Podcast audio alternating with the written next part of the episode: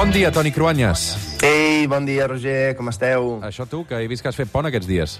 Sí, sí, vaig treballar el dia de la Constitució, però a canvi a divendres vaig fer festa i... Escolta'm, gairebé que m'apunto a venir calonja, quin ambientasso sí, ahir, home, no? home, una festassa. Ah, home, ja tu, que, ta- tu, sentir, que també et dediques, tu que també et dediques a escriure, haguessis tingut feina allà, perquè els teus Sí. llibres hi són.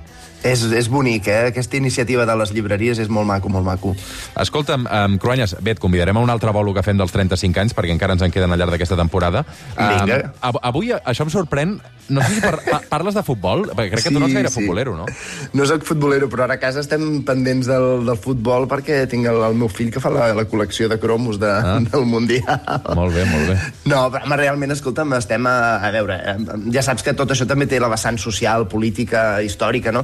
El Marroc és a semifinals, això és història, diguem-ne, i després que, que va guanyar Espanya dimarts, a mi m'ha generat molt interès. A, a, banda del que passa dins del camp de joc, eh, que hi han demostrat que són bons, jo tampoc no era conscient que la meitat dels seus jugadors van néixer fora del territori marroquí i, i molts ja els coneixem perquè, de fet, jugaven a la Lliga Espanyola o juguen com, com l'estrella del partit de dimarts o d'ahir, no? Bono, que juga amb el Sevilla, però, però tots el coneixem perquè abans va estar a Girona.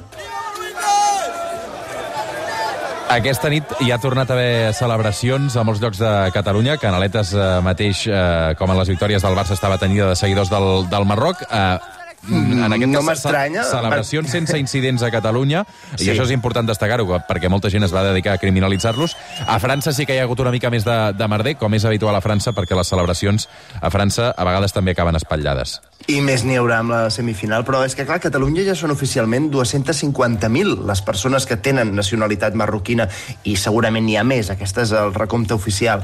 A a mi em sembla fascinant, eh, aquest, aquest fil de la identitat que uneix la gent que ha nascut fora d'un país, com el Marroc, però que s'hi sent lligat, i, i en part pel racisme que viuen en pròpia pell aquí, a Europa, però també per raons personals que, que, que són molt més profundes, segurament. Hakim Ziyech, que, que és l'estrella de l'equip, va néixer a Holanda i no parla àrab.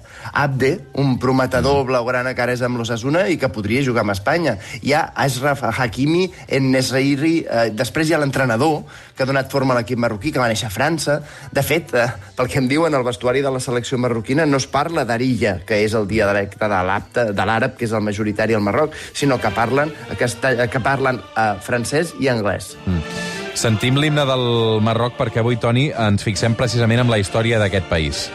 A veure, jo crec que hi ha motius històrics evidents per entendre per què el Marroc és el país africà que té millors jugadors i que ha col·locat la seva selecció a semifinals i que representa ara mateix els països àrabs i gairebé m'atreviria a dir que són els representants de tot el continent africà.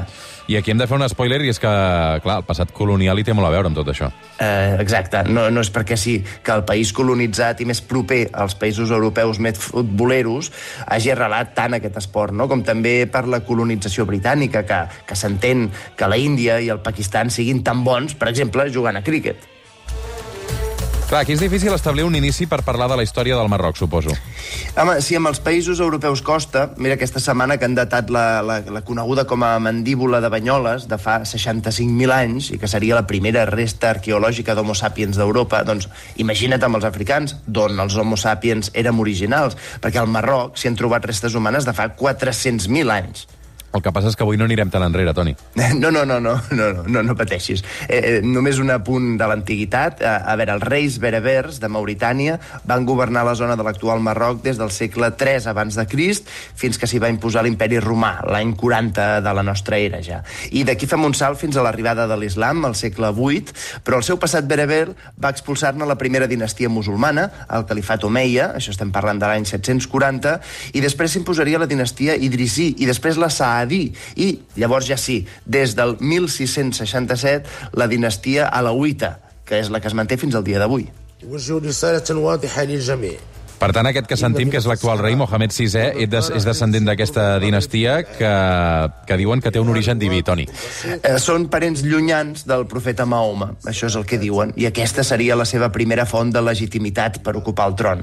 Però després demostraria que els reis alauites van ser molt efectius per preservar la independència del Marroc respecte als ocupants de l'imperi otomà o de l'imperi britànic o dels francesos durant els segles de més dura colonització europea del continent africà, però la inestabilitat instabilitat que va provocar les fronteres amb Algèria, la presència dels francesos quan van ser el país veí, va ser detonant d'una crisi perquè les potències europees apretaven, volien eh, fer negocis, volien invertir i treure diners del Marroc. I així, l'any 1906, i ara sí que ja ens col·loquem més a la vora, a la conferència del Jazires es va formalitzar una posició especial de França i la vigilància del Marroc per part conjunta de França i d'Espanya. Uns anys després ja s'establirien el protectorat francès del Marroc i l'espanyol, que inclouria la zona del Rif al nord i el Sàhara Occidental al sud. You must remember this. A kiss is just a kiss. Això és Casablanca, la mítica pel·lícula. Es calcula que abans de la independència del Marroc hi havia mig milió d'europeus vivint-hi i la meitat a la ciutat de Casablanca, Toni. Clar, és que el paper colonial europeu al Marroc és descafeinat si ho comparem amb la resta d'Àfrica. Però igualment el contacte econòmic i cultural és, és enorme.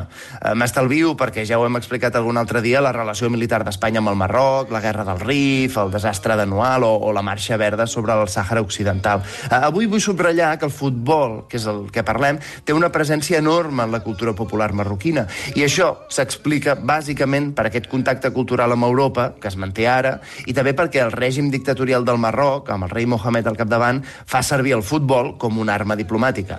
Mm. Clar, perquè el Marroc ha guanyat copes africanes i és el país africà que ha anat més lluny en aquest Mundial, i això avui eh, tothom en parla, no? De, és el titular de primer equip africà que arriba a unes semifinals d'un Mundial.